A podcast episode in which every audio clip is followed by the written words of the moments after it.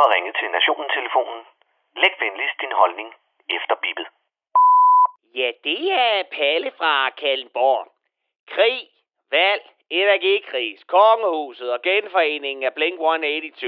Der er kun dårlige nyheder, når man åbner sit nyhedsfeed og doomscroller ned igennem sumpen af dårligdom, der bare venter på at hive en med længere ned mod permanent brug af UV-lamper, benzodiazepiner og andre farmaceutiske lyksaligheder. Men da Palle jo er en positiv mand, der starter dagen med en solhilsen og en kop kvædete, så tænker jeg, at jeg lige vil kigge på nyhedsmediet Verdens Bedste Nyheder. Et medie, som har valgt at fokusere på gode nyheder i verden, i stedet for det selvpineri, det er at skulle stå til for eksempel et pressemøde med Blå Blok, der præsenterer deres visioner for det frie valg. Og det første, man støder på, når man læser verdens bedste nyheder, er verdens bedste nyhed om, at 100 millioner indiske hjem nu har fået adgang til rent drikkevand. Sådan!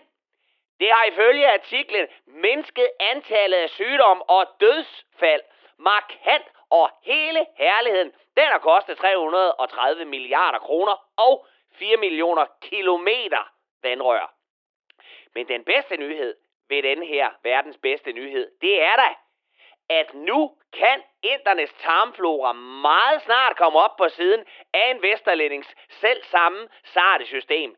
Indernes før så modstandsdygtige og bakteriebekæmpende maver, som er hærdet igennem generationer af beskidt drikkevand og fordærvet mad, vil om føje år lade sig slå om kul på lige fod med undertegnet. Og det betyder, at inderne selv kommer til at smage deres egen medicin, og på den måde kommer til at mærke ud af kroppen oplevelsen ved en blodig afføring, når man har spist en chicken masala med selvdød fugl vendt i spidskommen og chili, så stærk at man kan skide hul i beton og håret af Ulla Terkelsen.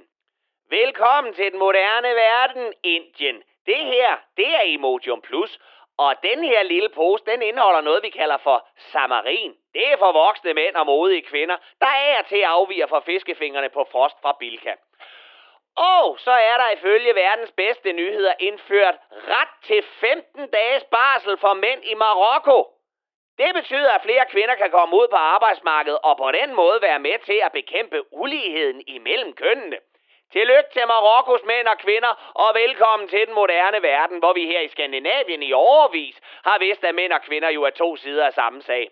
Tillykke til Marokkos mænd, som nu kan tage junior med på Vandpip Café og efterfølgende i fædregruppe, hvor ungerne sidder på bagsædet i en tunet BMW, imens deres små ører bløder, når de hede rytmer fra Branko tæver hul i deres trummehinder. Og tillykke til Marokkos kvinder, som nu endelig får lov til at mærke ligheden mellem X- og Y-kromosonerne, når de skal kæmpe sig igennem morgentrafikken i hovedstaden Rabat med livet som indsats for at nå frem til et underbetalt job og ikke mindst livsfarligt, som de så skal hygge sig med de næste 12 timer før turen går hjem til barselsbeduinen og junior, som allerede har brændt lejligheden ned i forsøget på at smøre hummus på et fladbrød.